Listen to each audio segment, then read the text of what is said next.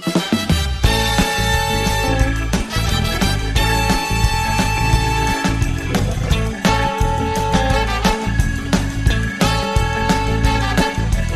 Molt bon vespre, gent de teatre, molt bon vespre, Sabadell. Benvingudes a l'Amunt al Taló, el programa que repassa les novetats teatrals sabadellenques i de més enllà a través d'entrevistes, reportatges, recomanacions i molt més. Aquesta setmana, però, comencem una parada de dues setmanes en la que la majoria de seccions habituals eh, paren per portar-vos un seguit de lectures dramatitzades que ens fa molta i molta il·lusió mostrar-vos. De nou, han calgut molts esforços de part de tot l'equip. Un equip format per Laura Lozano a la producció, Júlia Stals, Elvira Frank, Edu Gil, Jaume Pont, Francesc Rocamora, Adrià Garcia, Carlota Gorgori, Marcel Castillejo, Pol Juera, Xavi Quero, Eli Quero, la veu del programa Francesc Asens i els nostres tècnics Toni González i Roger Benet. I qui us parla? Bernat Pareja. Comencem repassant els continguts del programa d'avui. Amunt al taló.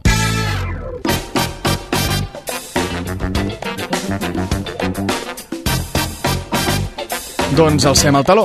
A la secció de la platea indiscreta repassarem com encaren el Teatre de Sabadell aquest primer cap de setmana de desembre, amb la Júlia Stals. Després parlarem amb el Marcel Castillejo sobre Harold Pinter, l'autor al que dediquem les lectures dramatitzades d'avui. Gràcies a això tindreu tota la informació que necessiteu per gaudir de Veu familiar i Estació de França, els dos textos que ocuparan bona part del programa. Finalment, a l'estudi, l'Elvira entrarà, ja que ella no pot faltar en cap programa. Ens parlarà de dues obres que ha anat a veure recentment a Barcelona. Cartes d'amor a la sala Versus Glòria i Fantàstic funeral festiu al Teatre Tan Tarantana. Els dimecres al vespre, Amunt al taló. A Ràdio Sabadell. La platea indiscreta.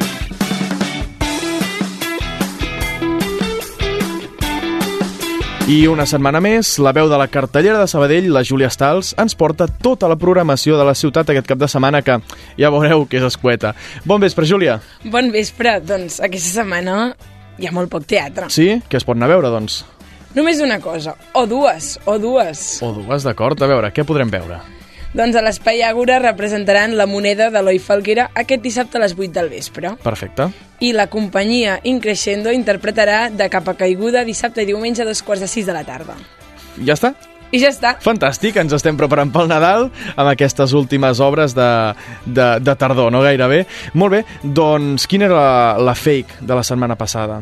La setmana passada l'obra fake era que la companyia Accelerats figurava pausa i tranquil·litat. Era ben fake.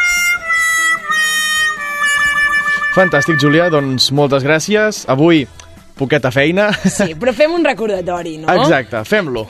Com sempre, recordem que es pot trobar gran part de l'oferta cultural de la ciutat a l'aplicació Sincronitzats, disponible a iOS i Android i a la web de Sabell Cultura. Perfecte, doncs veurem si la setmana, la setmana vinent més i millor. I més carregada, esperem.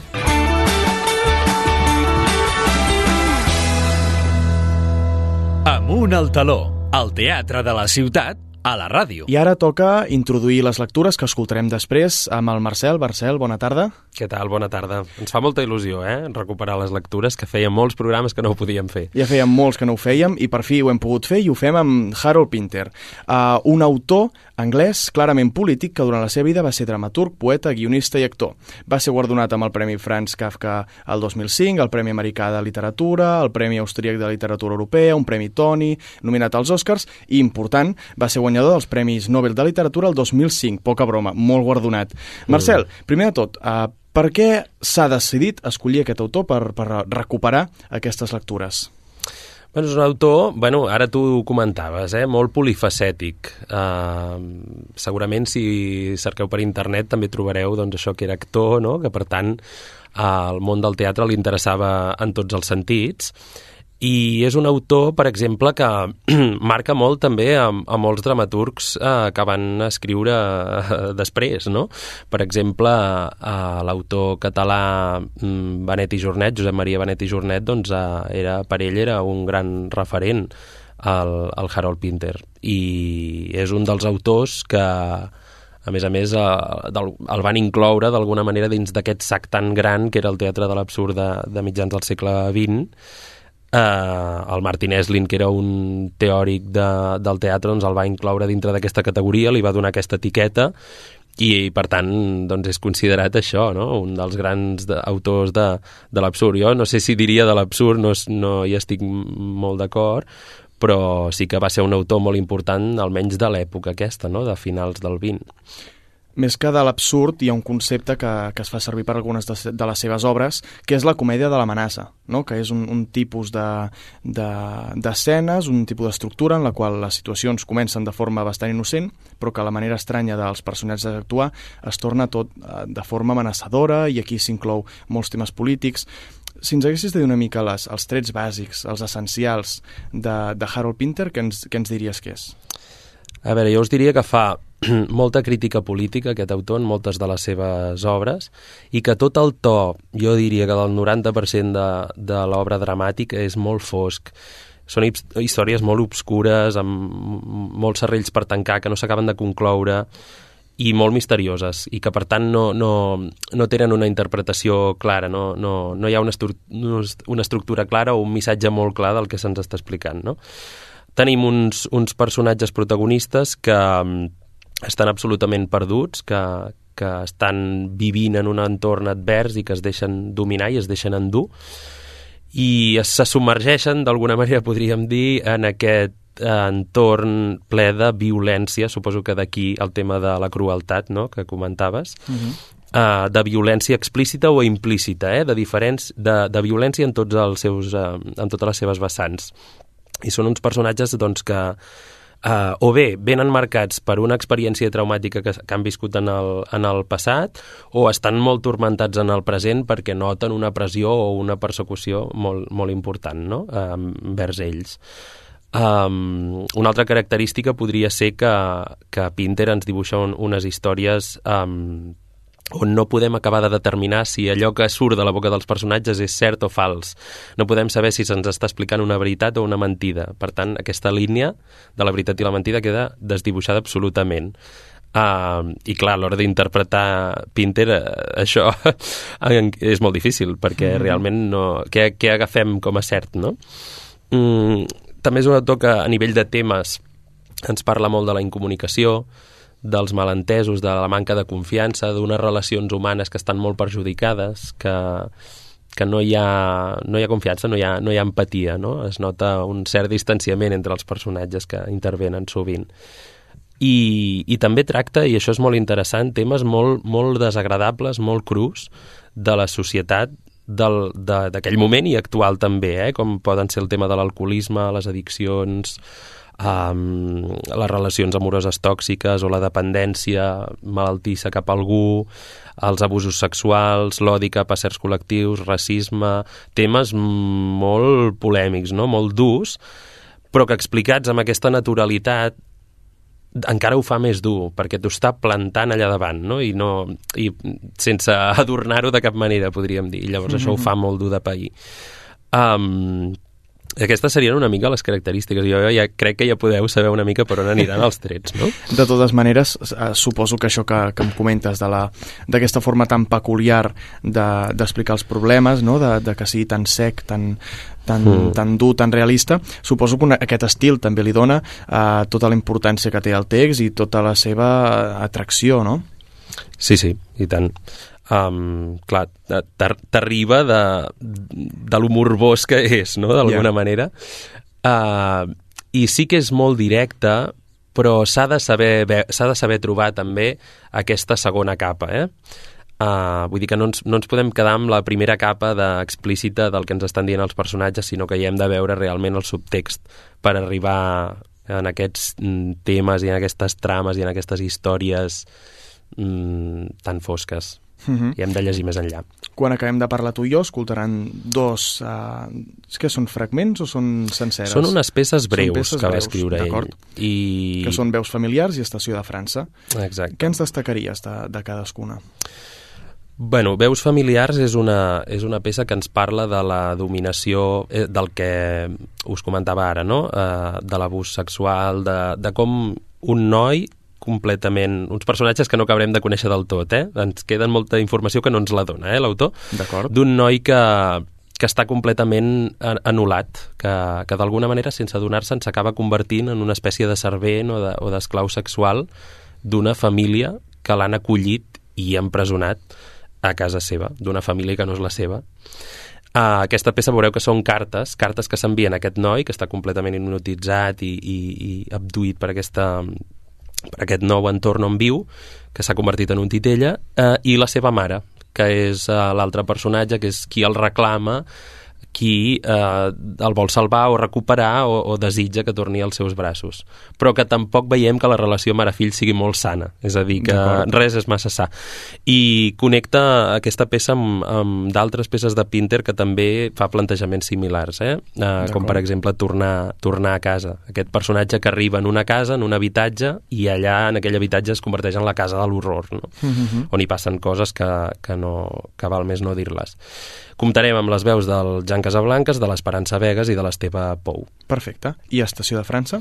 I Estació de França, en anglès Victoria Station, aquí ens ho hem portat a Barcelona, però allà succeeix a Londres, ens parla de la incomunicació, de la manca d'empatia, de, no? també ho comentàvem abans, de la violència verbal. De vegades estem envoltats de molta violència perquè la societat és així, la nostra, i no ens n'adorem, no? de que ens, ens maltractem molt així um, sense solta, no? Mm -hmm. I es tracta d'un diàleg entre un taxista que està aturat en un racó de la ciutat amb el seu taxi, en xoc, que, que parla sense dir coses massa coherents, com si estigués una mica afectat per alguna cosa que li ha passat que tampoc sabem, i l'interventor, que és el qui li parla des de la centraleta a través de la ràdio de, de, de la, del taxi. I en aquest cas comptarem amb les veus del Cheu Jiménez com a taxista i amb l'Albert Arnaus com a interventor. Perfecte. Doncs, com hem dit al principi, Marcel, ens fa molta il·lusió recuperar aquestes, aquestes lectures dramatitzades. Um, quin consell donaries a la gent perquè les gaudeixi ara, ara mateix, perquè pels temes que has comentat poden ser una mica feixugues? Sí, um, però s'ha d'escoltar en silenci, s'ha d'escoltar a poc a poc i això que et deia abans, eh? intentar veure-hi la segona capa i intentar jugar eh, perquè molta informació està lidida.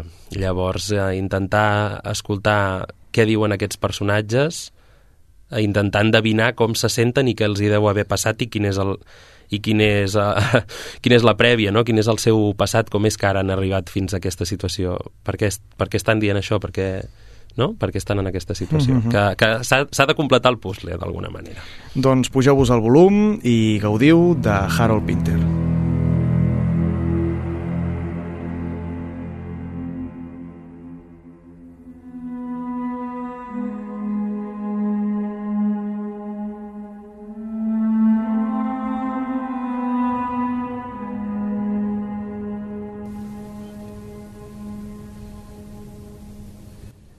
M'ho estic passant molt bé. El temps fa els i baixos, encara que fa una mica massa de calor. Més aviat massa que poca. Espero que estiguis bé i no tan malaltissa com la darrera vegada que et vaig veure. No, no estaves malaltissa. Et trobaves perfectament bé, només que tenies un aspecte malaltís. M'enyores? M'ho estic passant molt bé i espero que te n'alegris. En aquest moment estic completament borratxo. Aquest vespre m'he clavat cinc xops de cervesa a la taverna dels pescadors i després tres whiskies dobles i he arribat a casa literalment de rodolons. Quan dic casa, puc assegurar-te que la meva habitació és d'allò més agradable. Passa el mateix amb la cambra de bany. És molt agradable. He pres molts banys agradables a la cambra de bany. A tots els de la casa els passa el mateix. S'ageuen ben despullats a la banyera i prenen banys agradables. Tots els de la casa van pel món dient com d'extraordinaris són la cambra de bany i la banyera que compartim. Literalment, van pel món dient a tothom, si fa no fa, quins banys més agradables pots prendre en aquest lloc. Per dir-ho francament, incomparables. Té molt a veure amb la dispesera, una tal senyora Rius. Una dona que, un cop coneguda, es converteix en una persona encantadora, una persona de credencials impecables. Um, quan he dit que estava begut, és evident que feia broma. Espero que hagi rigut. Estic segur que ha rigut. Mare, has entès la broma? Ja saps que jo mai no tasto l'alcohol. M'agrada viure pel meu compte en aquesta ciutat enorme. Espero fer amics en un futur no gaire llunyà, i espero fer amigues també. Espero conèixer una noia molt maca. Després de conèixer-la, la duré a casa per presentar-la a la meva mare. M'agrada de caminar per aquesta ciutat enorme, pel meu compte. És divertit no conèixer ni una sola persona. M'entenc molt bé amb la meva dispasera, la senyora Rius. Em diu que sóc el seu consol. Prenc una copa amb ella a l'hora de dinar i una altra a l'hora del te i després al vespre la duc a prendre en un parell més a la taverna dels pescadors. Formava part del cos femení de l'aviació durant la Segona Guerra Mundial. Li agrada molt de dir «Bon cop de collons, Carles! Digues-li sergent de vol i, i la veuràs més contenta que un porc a la merda». De debò que t'agradaria, mare. Em sembla que surt el sol. El puc veure com s'enfila. Un altre dia. Un dia que saludo cordialment. I així acabaré aquesta carta. Mare estimada, amb el meu amor. Estimat, on ets? Les flors són magnífiques aquí. Les flors. T'agradaven tant. Per què no escrius mai? Penso en tu i em pregunto com estàs. Penses alguna vegada en mi, en la teva mare? Alguna vegada? Gens ni mica? Que has canviat d'adreça? Que t'has fet amic d'algú? Un noi agradable o una noia agradable? Hi ha tants nois agradables i noies agradables pel món. Et prego que no t'enredis amb els de l'altra mena. Et poden abocar a terribles dificultats. I ho avorriries tant.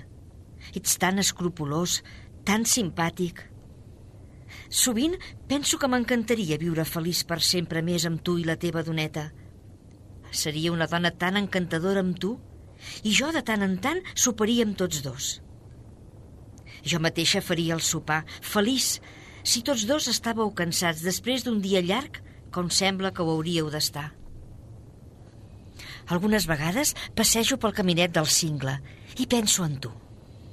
Penso en les vegades que tu passejaves pel caminet del cingle amb el teu pare, amb entrepans de formatge. Te'n recordes? Tots dos sèieu al capdamunt del cingle i plegats us menjàveu el meu pa amb formatge. En recordes la nostra brometa? Mastega, mastega. Ha estat un carai de bona passejada, deia el teu pare. Voleu dir que heu tingut un bon mastega, mastega, us deia jo. I tots dos us posàveu a riure. Estimat, t'enyoro. Jo et vaig posar al món. On ets? Fa tres mesos que et vaig escriure per assabentar-te de la mort del teu pare. Vas rebre la meva carta? No acabo d'estar segur de si m'agrada la gent d'aquesta casa. A part de la senyora Rius i la seva filla, la Joana. La Joana és una col·legiala que treballa molt fent els deures d'escola. Treballa sense parar. Això a mi m'impressiona. No n'hi ha gaire de gent així avui en dia. Però no acabo d'estar segur pel que fa a l'altra gent d'aquesta casa. Un és un home vell, un home vell que va dormir d'hora. És calp. L'altre és una dona que porta vestits vermells. L'altre és un altre home. És gros. És molt més gros que l'altre home. Té els cabells negres, les celles negres i pèls negres a les mans. Pregunto coses sobre ells a la senyora Rius, però ella no sap parlar més que de la seva època a l'exèrcit de l'aire durant la Segona Guerra Mundial. He arribat a la conclusió que la Joana no és la filla de la senyora Rius, sinó que és la seva neta. La senyora Rius té 70 anys, la Joana en té 15. Estic convençut que aquesta és la veritat. De nit sento xiu-xiuejar des de les altres habitacions i no ho comprenc. Sento passes a les escales, però no goso sortir a investigar. Quan el teu pare s'acostava cada vegada més a la mort, parlava més i més de tu amb tendresa i desconcert. Jo el consolava amb la idea que te n'havies anat de casa perquè pogués sentir-se orgullós de tu. Crec que ho vaig aconseguir. Una de les seves últimes frases va ser Dóna-li una patacada a l'esquena de part meva. Dóna-li una patacada a l'esquena de part meva. He fet una gran descoberta. L'home vell que és calp i que va dormir d'hora es diu Rius. Benjamí Rius. Tret que sigui una simple coincidència, això deu voler dir que és un parent. Vaig demanar a la senyora Rius que em digués la veritat de tot plegat. Es va servir una ginebra i la va contemplar abans de veure-se-la. Després em va mirar i em va dir «Ets el meu gosset. Sempre he volgut tenir un gosset i ara l'he aconseguit». A vegades m'abraça amorosament, com si fos la meva mare. Però no he oblidat pas que tinc una mare i que tu ets la meva mare. Algunes vegades em pregunto si recordes que tens una mare. Ha passat una cosa. La dona dels vestits vermells em va aturar i em va convidar a prendre una tassa de te a la seva habitació. I vaig entrar a la seva habitació. Era molt més gran del que em pensava amb sofàs i cortines i vels i gases i catifes i moqueta blau fosc per totes les parets. La Joana seia al sofà fent els deures, pel que semblava. Em van convidar a seure al mateix sofà. El te ja era preparat i a punt de prendre'l, en un joc de porcellana dins d'un disseny d'allò més elegant. Me'n va donar una tassa. També la Joana, que em va somriure. No m'he presentat, va dir la dona. Soc Lady Rius. La Joana va xarrupar el te amb les cames damunt del sofà. La Joana, sense sabates i amb mitges, va acabar posant els seus peus damunt la meva falda. No era pas el sofà més gran del món. Lady Riu seia davant nostre en un sofà força més gran. Vaig decidir que el seu vestit no era vermell, sinó rosa. La Joana anava de verd, a part de les mitges, que eren negres. Lady Rius em va preguntar per tu, mare. Em va preguntar per la meva mare. Vaig dir-li amb absoluta convicció que eres la millor mare del món. Em va demanar que li digués Lola i que la Joana li digués Joana. Li vaig dir que la Joana ja li deia Joana. La Joana em va donar un pastís. Em sembla que era un pastís. Lady Rius va mossegar el seu pastís. La Joana va mossegar el seu pastís amb les puntes dels peus descansant a la meva falda. Lady Rius semblava feliç amb el seu pastís, el seu sofà. Se'l va acabar i em va agafar un altre. Mai no havia vist tants pastissos. D'un cop d'ull vaig saber que estaven escampats per tota l'habitació en unes safates d'aquelles de pastissos. Lady Rius es va acabar el segon pastís sense cap problema i de dret cap a un altre. La Joana, mentrestant, mastegava distretament el seu pastís i quan se li va quedar una pansa encastada al llavi de dalt, se la va llapar i la va treure sense presses. Això no lligava amb el fet que els dits dels seus peus no paraven de moure's i d'agitar-se. La seva boca menjant anava a poc a poc, serena. Els dits dels peus, sense menjar, estaven agitats, molt nerviosos, algun diria histèrics. El meu pastís va resultar dur com una pedra. El vaig queixalar. Em va saltar de la boca i em va anar a parar a la falda. Els peus de la Joana el van caçar al vol. Els dits del peu es van calmar. Va fer jocs de malabars amb el pastís, amb certa traça, amunt i avall. Vaig recordar que en una conversa anterior m'havia dit que volia ser acròbata. Estimat, on ets? Per què no m'escrius mai? Ningú no sap on pares. Ningú no sap si ets viu o mort. Ningú no et pot trobar. Que has canviat de nom? Si ets viu, ets un monstre. En el llit de mort el teu pare et va maleir. També em va maleir a mi, si t'he de dir la veritat. Va maleir a tothom que hi havia. Només que tu no hi eres. No et culpo totalment del mal humor del teu pare, però la teva absència i el teu silenci li pesaven. Eren un motiu de defalliment per ell. Va morir queixant-se i renegant. És això el que volies? Ara estic sola. A part de la Montserrat, que a vegades ve des de la Bisbal. Em serveix una mica de consol. Quan parla de tu, se li omplen els ulls de llàgrimes. Els ulls de la teva estimada germana ben plens de llàgrimes. Ha fet un casament d'allò més bo i té un nen molt bufó. Quan sigui més gran voldrà saber on és el seu oncle. Què li direm? O potser un bon dia et presentaràs aquí amb un cotxe nou preciós, en un futur no gaire llunyà, amb un vestit nou, inesperadament. I m'abraçaràs? Lady Rius es va aixecar. Ara que la Joana fa els deures, va dir, potser a vostè no li importaria d'anar-se'n i tornar un altre dia. la Joana va enretirar els peus. El meu pastís va quedar enganxat entre els dits dels seus peus. Sí, naturalment, vaig dir. Mm, Tret que la Joana vulgui que l'ajudi a fer els deures. Molt agraïda, va dir Lady Rius. Jo l'ajudaré a fer els deures. El que no vaig dir és que estic pensant a oferir-me de professor particular.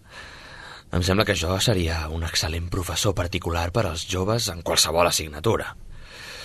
La Joana seria una alumna ideal. Té un veritable desig d'aprendre. Aquesta és la sensació que dona quan un veu com respira, sospira i panteja. Quan et clava els ulls, veus entre els seus ulls purs, poc educats, inactius però anhelants, un desig profund d'aprendre.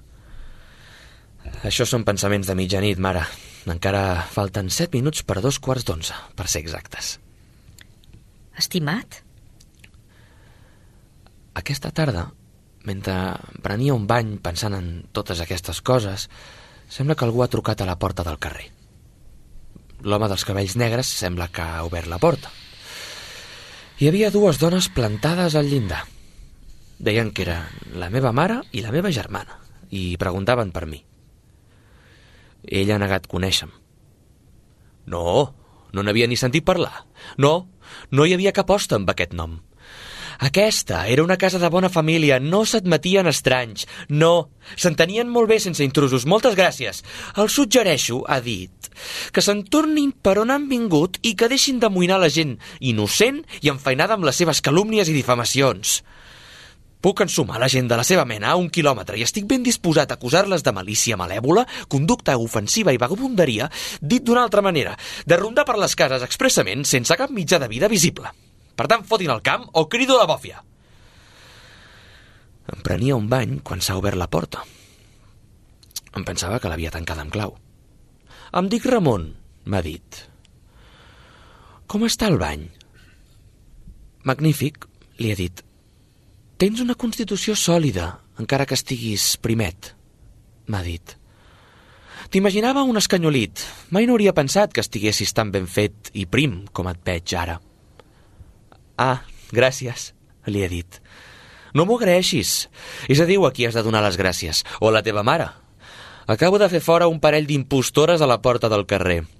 Ja no ens emmerdaran més per aquesta banda. Aleshores s'ha assegut a la vora de la banyera i m'ha explicat el que t'acabo d'explicar. Sento curiositat per saber per què el meu pare no s'ha amoïnat a fer el viatge. Sento les passes del teu pare per l'escala. Sento la seva tos.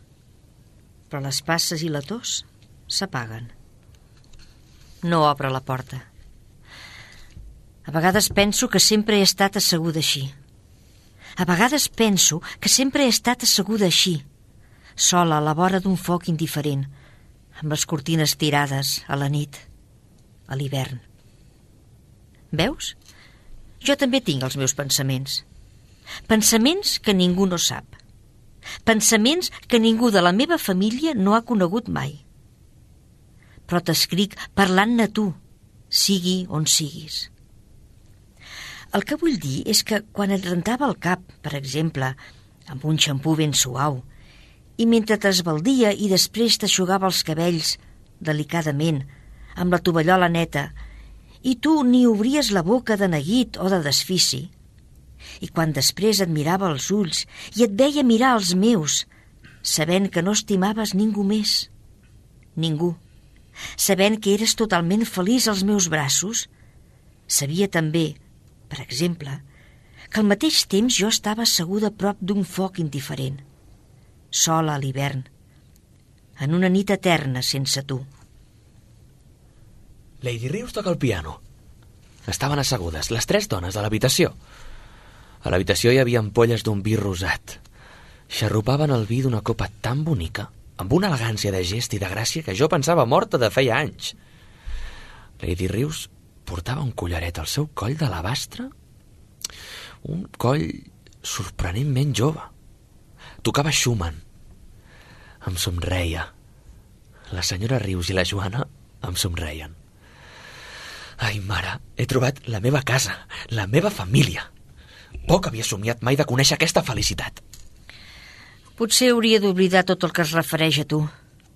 Potser t'hauria de maleir tal com el teu pare et va maleir. Reso. Reso perquè la vida et sigui un turment. Espero que la teva carta em demani que vingui cap a tu. I escopiré. Mare, mare, he tingut una trobada d'allò més desagradable, desorientadora, amb l'home que es fa dir senyor Rius. Em pots donar el teu consell? Entra, fill. Em va cridar. Vinga, no perdis el temps. No tinc pas tota la nit. Vaig entrar. Un gerro, un orinal, una bicicleta. Saps on ets? Va dir. Ets a la meva habitació. No estàs a l'estació de Sants, m'entens? És un veritable oasi. És l'única habitació de la casa on pots pujar una caravana oriental per anar a qualsevol punt de l'Occident. Comprèn? Comprende? M'entens? Estàs preparat per seguir-me a la muntanya? Mira'm, em dic Rius. Ets una terra plena de malaltia, boxador. Mantén el pes sobre totes les cames esquerres quan estiguis ballant. Continua ballant. Aquest és un lloc de criatures, al pis de dalt i al de baix. Criatures de ruptures rítmiques, amb cops rítmics de costat, de rom i de ruletes, les pallaringues macarròniques, mandonguilles amb maionesa, una brutícia catapultada de falòrnies gruixudes i atrotinades, molèstia sense fi, oberta per a Fernàlia. Em segueixes? Tot se suma. És davant i darrere teu. Sóc l'únic salvador de la gràcia que et fa falta. Ves amb compte, eh? Vinga, em copses?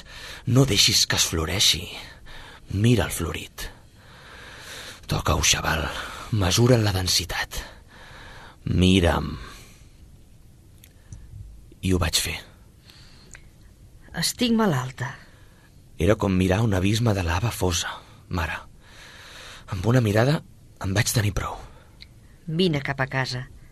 T'espero. Més tard, aquella nit, en Ramon i jo ens vam prendre una tassa de xocolata al seu quarter. M'agraden els nois prims, em va dir en Ramon. Prims però forts. Mai no n'he fet un secret, però això no obstant, m'he hagut de refrenar, he hagut de vigilar molt les meves inclinacions, perquè la meva disposició més profunda és cap a la religió. Sempre he estat un home profundament religiós. Pots imaginar-te la tensió anímica que em crea. Vaig pel món en una constant tensió espiritual, emocional, psicològica i física. La disciplina que he d'exercir talla l'alè. El meu desig és inimaginablement violent, però va en contra... El meu desig és inimaginablement violent, però va contra els meus millors interessos, que són els d'estar a la dreta de Déu. Sóc un home gros, com pots veure. Podria esclafar un escanyolit com tu fins a matar-lo. Vull dir la mort que és amor. La mort que considero que l'amor ha de ser. Però fes-te càrrec que mantinc aquests desigs emmanillats de mans i peus. I d'això en sé perquè sóc policia. I sóc molt respectat. Em respecten tant al cos de policia com a l'església. L'únic lloc on no sóc gaire respectat és en aquesta casa. No els importa una merda. A desgrat que, com aquell qui diu, sempre ha estat un parent de prop. M'agrada la salut i la força i les converses intel·ligents. És per això que m'he interessat per tu, amiguet, a part del fet que sento un capritx per tu. No tinc ningú per parlar. Aquestes dones em tracten com un llebrós. Tot i que, com aquell qui diu, hm, sóc parent seu. Quin parent? Lady Rius és la mare o la germana de la Joana? I si alguna d'aquestes dues coses, per què a la Joana no se li diu Lady Joana Rius? O potser ho és. O potser no és cap de les dues coses. O potser la senyora Rius és, de fet, l'honorable senyora Rius. De tota manera, si aquest és el cas, què hi pinta el senyor Rius? I quin Rius és, en qualsevol cas? Vull dir, quin parentiu té ell amb la resta de Rius? I qui és en Ramon? Però si em trobes desconcertat, confós, ansiós, incert i espantat, també em trobes satisfet. La meva vida té forma. Però rarament surto de casa. Ningú no sembla sortir de casa. En Ramon sí que surt de casa, però no pas gaire sovint. Deu ser de la policia secreta. La Joana continua fent molts deures mentre sembla que no va a l'escola. Lady Rius mai no surt de casa. Té convidats. Rep convidats.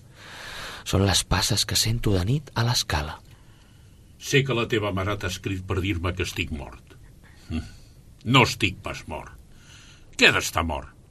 Encara que molta gent m'ha volgut veure mort des de temps immemorials. Especialment tu. Ets tu qui has resat per la meva mort des de sempre. He sentit les teves oracions. Em sonen a les orelles. Oracions desitjant la meva mort. Però no, no sóc pas mort. Bé, això no és ben bé veritat. No és aquest el cas. Estic mentint. Et prenc el número. M'estic divertint una mica haver-t'ho aquí. Perquè sóc mort. Mort i ben mort. T'escric des de la meva tomba, només per mantenir el contacte. Un hola des de la tenebra. Un darrer petó del teu pare. Que per què em prenc la molèstia? Per tu, imagino. Perquè eres un fill tan bo estic somrient mentre estic estirat en aquesta tomba de vidre. Saps per què dic vidre? Perquè puc veure-hi a través. Molts petons, fills. Fes bondat. Només hi ha una cosa que m'amoïna, si t'he de ser sincer. Hi ha un silenci absolut arreu, però encara escolto ocasionalment un gos que borda.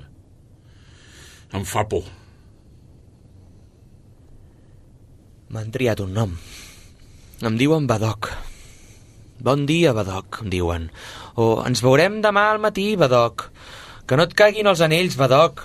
O no et deixis el cartipàs, Badoc. O mira la pilota, Badoc. O passa per l'ombra, Badoc. O com tens la punta del teu llapis, Badoc. No trepitgis merda, Badoc. L'única persona que no em diu Badoc és l'home vell. No em diu cap nom. No li dic cap nom.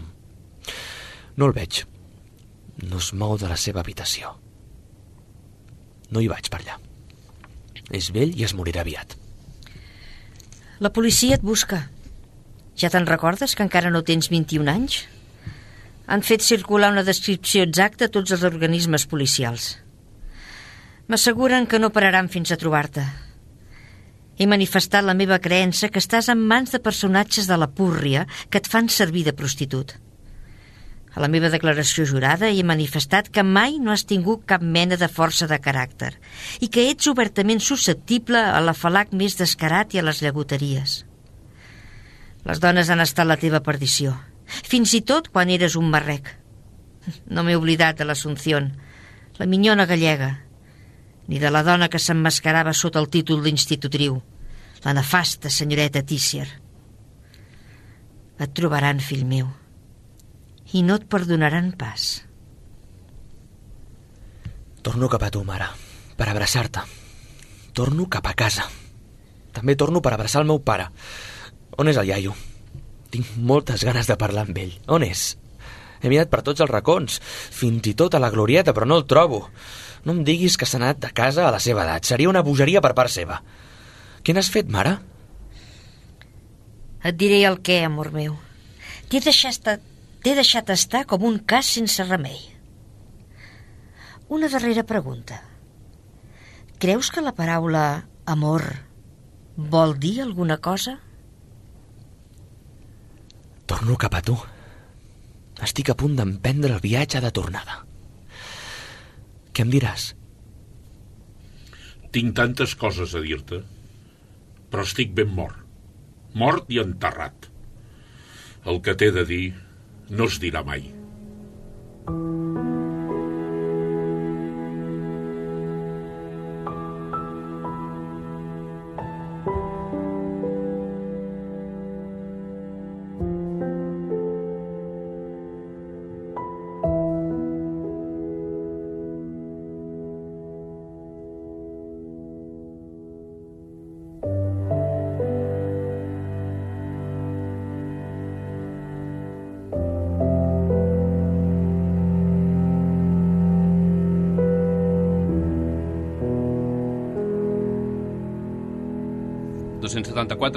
On ets? 274. On ets? Digui? 274? Digui? Ets el 274? Sí, sóc jo. On ets? En què? Estic parlant amb el 274, correcte? Sí, sóc el 274. Tu qui ets? Que qui sóc? Sí. Qui penses que sóc? Jo sóc la teva centraleta. Ah, ah, sí. On ets? Estic fent un vol. Què vols dir? Mira, noi, si ets a la zona que em penso, tinc una feina per a tu. On ets? Estic navegant per aquí. No naveguis. Para de navegar. Ningú no et demana que naveguis per aquí. Per, què cony has de navegar per aquí? 274? Digui, sí, sóc jo. Vull que vagis a l'estació de França. Vull que recullis un client que ve de Perpinyà. Això és el que vull que facis. M'entens? Ara la pregunta que vull fer-te és aquesta. On ets? I no em repliquis que vas navegant per aquí. Només digues-me si ets a qualsevol lloc prop de l'estació de França. Estació de què? De França? M'hi pots ajudar? Com dius? Que si m'hi pots ajudar, que si ho pots fer. Mira, 274, no hi ha ningú més per aquesta zona, ho veus? Em sembla que només t'hi tinc a tu en aquesta zona. M'entens? Sí, sí que t'entenc. I val la pena, 274. Vol que el duguis a Sant Cugat. Eh? Vol que el duguis a Sant Cugat. T'esperes que arribi l'express de les 10.22 procedent de Portbou. Es diu senyor Macarró.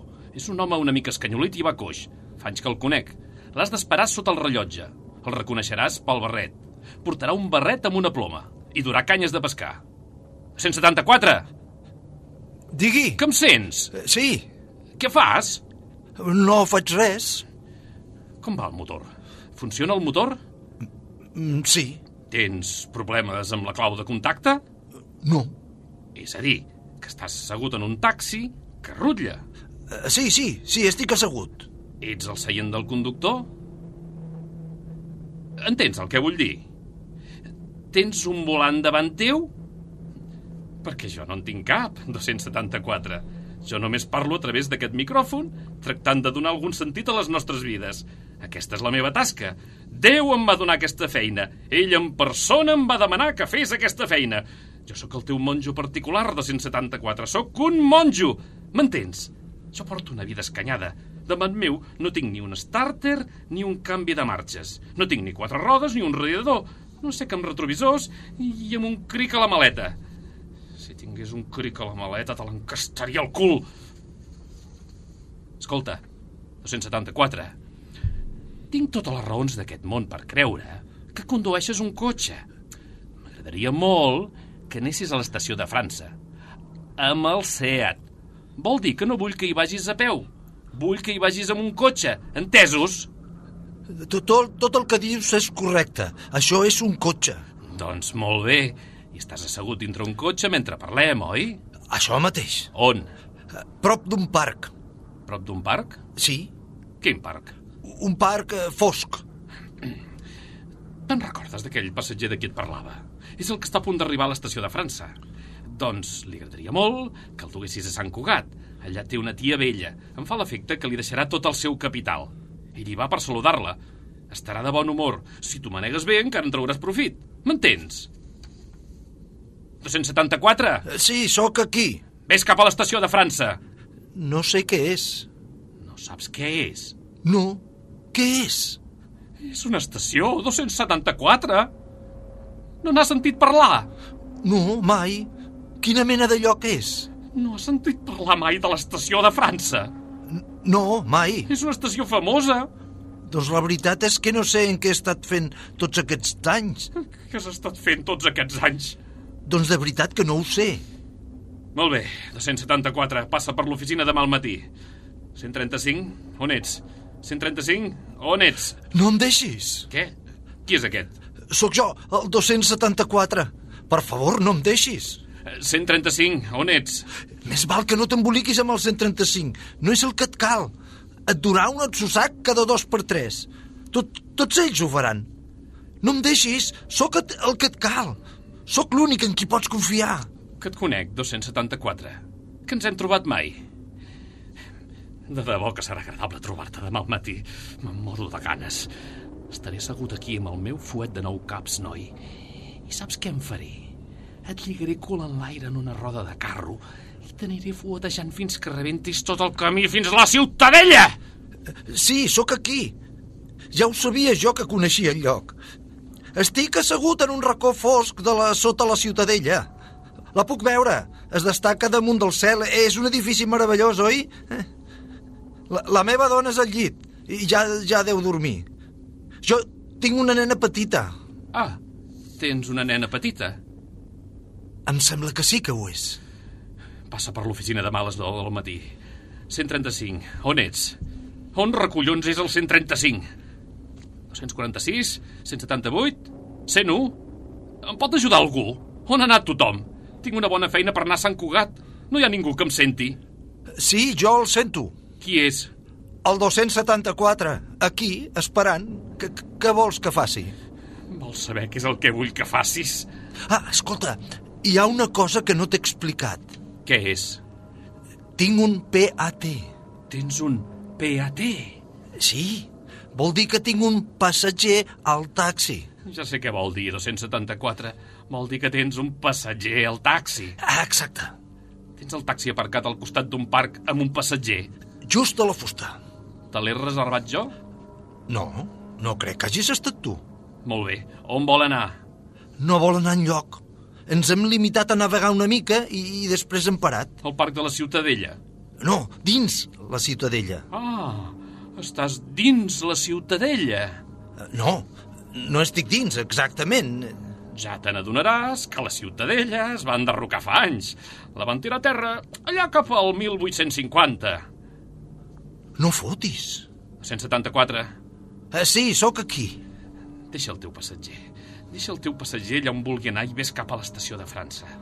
Si no ho fas, et faré a peces menudes. Et xuclaré i et bufaré fent bombolles. Et mastegaré l'estómac jo mateix. Et menjaré tot el pèl. Acabaràs fet un netejapibes, m'entens? 274! Em comences a obsessionar. Em sembla que em moro. Estic sol en aquesta miserable oficina de merda gelada i ningú no m'estima. Escolta, fastigós! Sí? 135. 135, on ets? Més val que no t'emboliquis amb el 135. Tots et xuclaran la sang. Només pots confiar en mi. Saps el que sempre he somiat fer? Sempre he tingut aquest somni. Passar unes vacances a les Bahamas. Estic preparant aquestes vacances per a fi d'any 274. M'agradaria que vinguessis amb mi, eh, a les Bahamas. Només nosaltres dos. Duré a fer submarinisme. Podem nedar plegats per l'aigua blava del Carib. Mentrestant, què et sembla? Si et passessis per l'oficina, jo et donaré una tassa de te ben calentona. Podries parlar de la teva formació, de les teves ambicions i aspiracions... Em podries parlar de totes les teves afeccions i entreteniments... Vine, i ens prendrem una tassa de te, 274. M'agradaria molt, però tinc un passatger al taxi. Posa'm amb el teu passatger. Deixa'm-hi parlar. No puc. Ella està dormida al seient del darrere. Una dona? Puc dir puc dir-te un secret? Fes-ho, si us plau. Em sembla que m'he enamorat. Per primer cop a la meva vida. De qui t'has enamorat? D'aquesta noia del seient del darrere. Em sembla que me la quedaré per la resta de la meva vida. Em quedaré en aquest taxi amb ella per la resta de la meva vida. Em casaré en amb aquest taxi i morirem junts en aquest taxi. O sigui, que la fi has trobat el veritable amor, eh? 274? Sí, a la fi he trobat el veritable amor. O sigui, que ara ets un home feliç, oi? Soc molt feliç. Mai no havia conegut una felicitat semblant. Molt bé. Vull ser el primer a felicitar-te 274. Voldria fer-te arribar la meva més sincera felicitació. Moltíssimes gràcies. No es mereixen. Hauré de notar-me a l'agenda, no oblidar les teves noses d'or, oi? Me'n duré uns quants xicots a brindar per tu. Sí, duré uns quants xicots. Ens prendrem unes copes, farem una mica de xivarri i cantarem alguna cançoneta. 174. Digui, sí, sóc jo. Escolta'm, he estat rumiant. He decidit que el que més m'agradaria és venir aquí i donar-te la mà de seguida. Tancaré la barraca i saltaré el meu cotxe de l'any de la Picó per venir-te a veure, per donar-te la mà. Què et sembla? Oh, magnífic. Però què em faig d'aquest home que arriba amb el tren de les 10 de Perpinyà? Que el donin pel sac! Ah, ah ja ho veig. No, m'agradaria conèixer aquesta amiga teva i fer una bona celebració. Què podem fer? Saps què? No et moguis d'on ets. Entesos? Entesos? 274! Uh, sí. No et moguis. Continua exactament on ets. Vindré cap aquí de seguida. No, no em mouré. Seré aquí.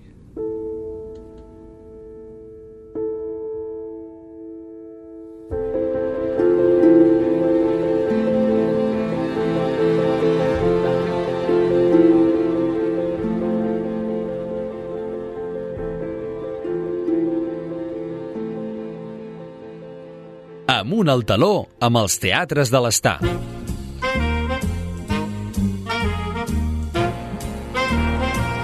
Teatre de Franc.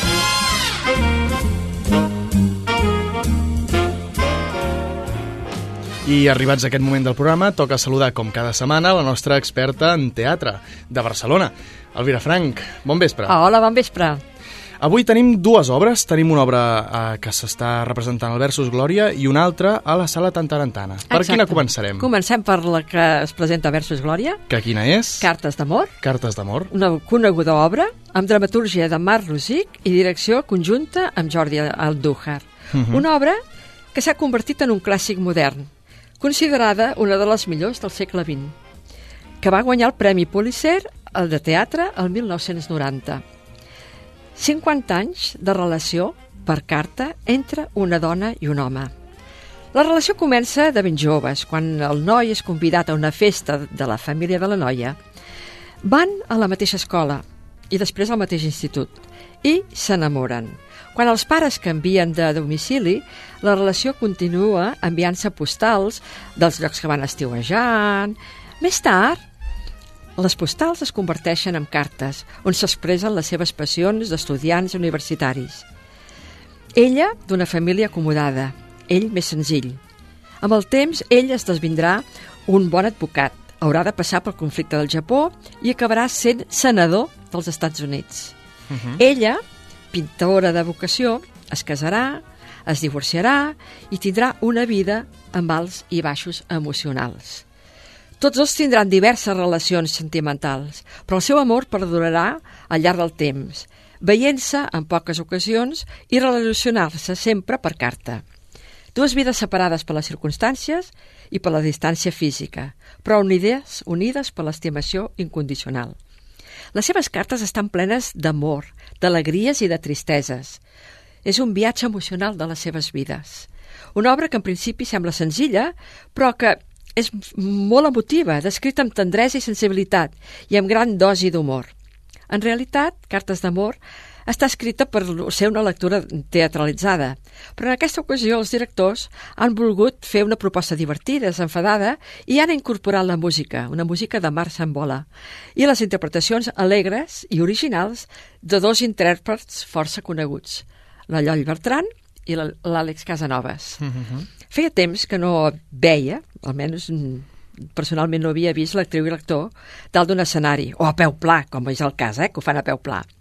I tot que les seves trajectòries professionals són força diferents, en aquesta obra, en trobar-se, ofereixen una simbiosi perfecta, conservant cada un la seva manera i personalitat a la interpretació, però fent aquest tàndem tan especial que, com diu l'autor de l'obra, els dos s'escolten de manera activa al llarg de tota la funció. I així ho fan. Eh? És, és original, hi ha els seus moviments, però s'escolten un a l'altre quan s'escriuen les cartes. És, és bonic. No, no es fa repetitiu, això de que siguin cartes? Eh, Imagino No. que bona part de la funció deu ser a través de cartes, cadascú Sempre, el seu... sempre són cartes, sempre són cartes. I no, no es fa repetitiu? No gens, Juguen perquè bé? com que comencen de petits, Clar. els diàlegs primer doncs, són molt infantils. Ja. Ah, Llavors hi ha diàlegs d'adolescents. O sigui, no és sempre el pla de la mateixa manera, sinó que està molt ben escrita i, i, i només la manera que s'escriuen ja veus quina edat tenen. Clar. És, és original, l'havia fet aquí a Sabadell, al Teatre del Sol, Mhm. i la van fer en plan més d'estàtic, no pas aquí al Versus Glòria, però a mi em havia agradat molt. I també l'havien feta fa molts anys uh, a Barcelona, també la Mhm. vaig veure. Aquesta és una proposta, diguéssim, més trencadora, perquè el cantar, eh, tenen una mica més de moviment, però l'obra conserva tota l'essència, que és molt bona. Mm -hmm. La podreu veure fins a l'11 de desembre. 11 de desembre, perfecte, doncs encara queden encara uns quants queda, dies. Encara queden dies. Molt bé, i la segona, el Teatre Tantarantana, què ens portes? Mira, un festival fantàstic, funeral, festiu. Fantàstic funeral festiu. Sí, un funeral, un funeral festiu. La, el títol ja ho diu tot, eh? Mm -hmm.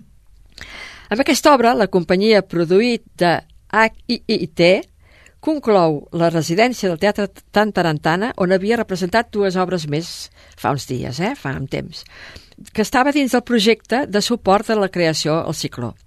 Una proposta escrita i dirigida per Roger Torns i, com hem dit, a la sala, a la sala de baix del Tantarantana. Hi ha el- la dalt, la de l'Àrtic 22, Mhm. doncs en aquest cas és la sala la de baix, que és una mica més gran. Una comèdia amb un fons agre que fa pensar què passaria si no existís la mort. Què passaria? Mm -hmm. Laura Daza, Clara de Ramon i Rosa Vila són les tres actius que representen a dues germanes i a la seva mare. El seu negoci familiar, una funerària, ha de tancar. Ha de tancar perquè la mort s'ha mort. Ja no es mor a ningú. La mort ja no existeix.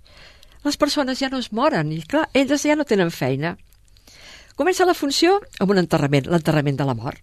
Un comiat que el públic està inclòs activament en aquest, eh, en aquest enterrament, però les protagonistes no es conformen a no tenir feina i volen recuperar el que sempre ha estat la seva vida. És així que busquen alternatives, idees per continuar endavant. Potser per uns és molt alliberador saber que tard o d'hora tot acabarà. I segur que per altres el fet de que no és etern els fa gaudir més del present. Eh? Mentre uns flueixen aprofitant sabent que hi haurà un final, els altres se senten feliços pensant que res perdura. Mm -hmm. Així és la vida. Un text molt original, ja que consta de moltes paraules, moltes frases que mai acaben de dir la frase sencera. D'acord. Tot està mig dit. Tot s'ha d'intuir. De manera que els espectadors hauran d'endevinar cada intenció, cada propòsit i finalitat de la frase. Les protagonistes xerren, xerren molt, però mai diuen la idea definitiva. Un exercici que els que l'escolten, però també un exercici molt important per les actrius, ja que es repeteixen molt les paraules i els diàlegs es van repetint sempre, no? Mhm. I, I ho actuen de diferent manera. Molt bona idea plantejar un tema que podria ser seriós i que està tractat com un humor, amb un humor força enginyós. També són molt bones les interpretacions, eh? La companyia teatral ha sabut posar el drama de la tristesa d'una pèrdua a fer-ne una celebració. Una festa col·lectiva on tots, tots en el públic hi fan participar. Un muntatge que se'n surt amb alegria de saber que estem vius i que podem gaudir de la vida. Que xulo, que...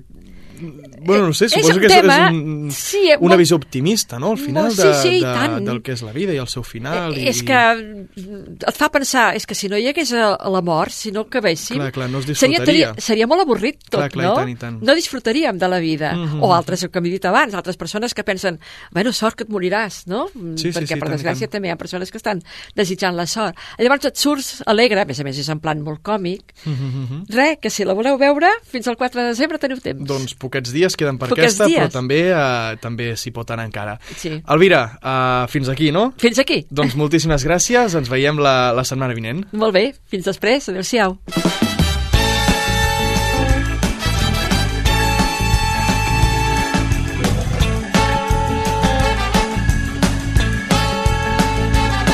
I aquí acabem l'Amunt al Taló d'avui. Us recordem que podeu recuperar tots els nostres programes a Spotify. Només cal que busqueu Amunt al Taló al cercador i trobareu el nostre podcast. El d'avui us el recomanem especialment per aquestes lectures dramatitzades.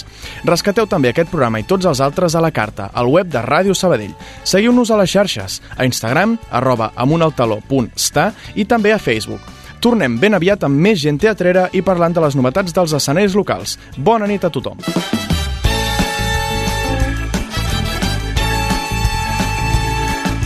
El Teatre Sabadellenc a Ràdio Sabadell. Amunt al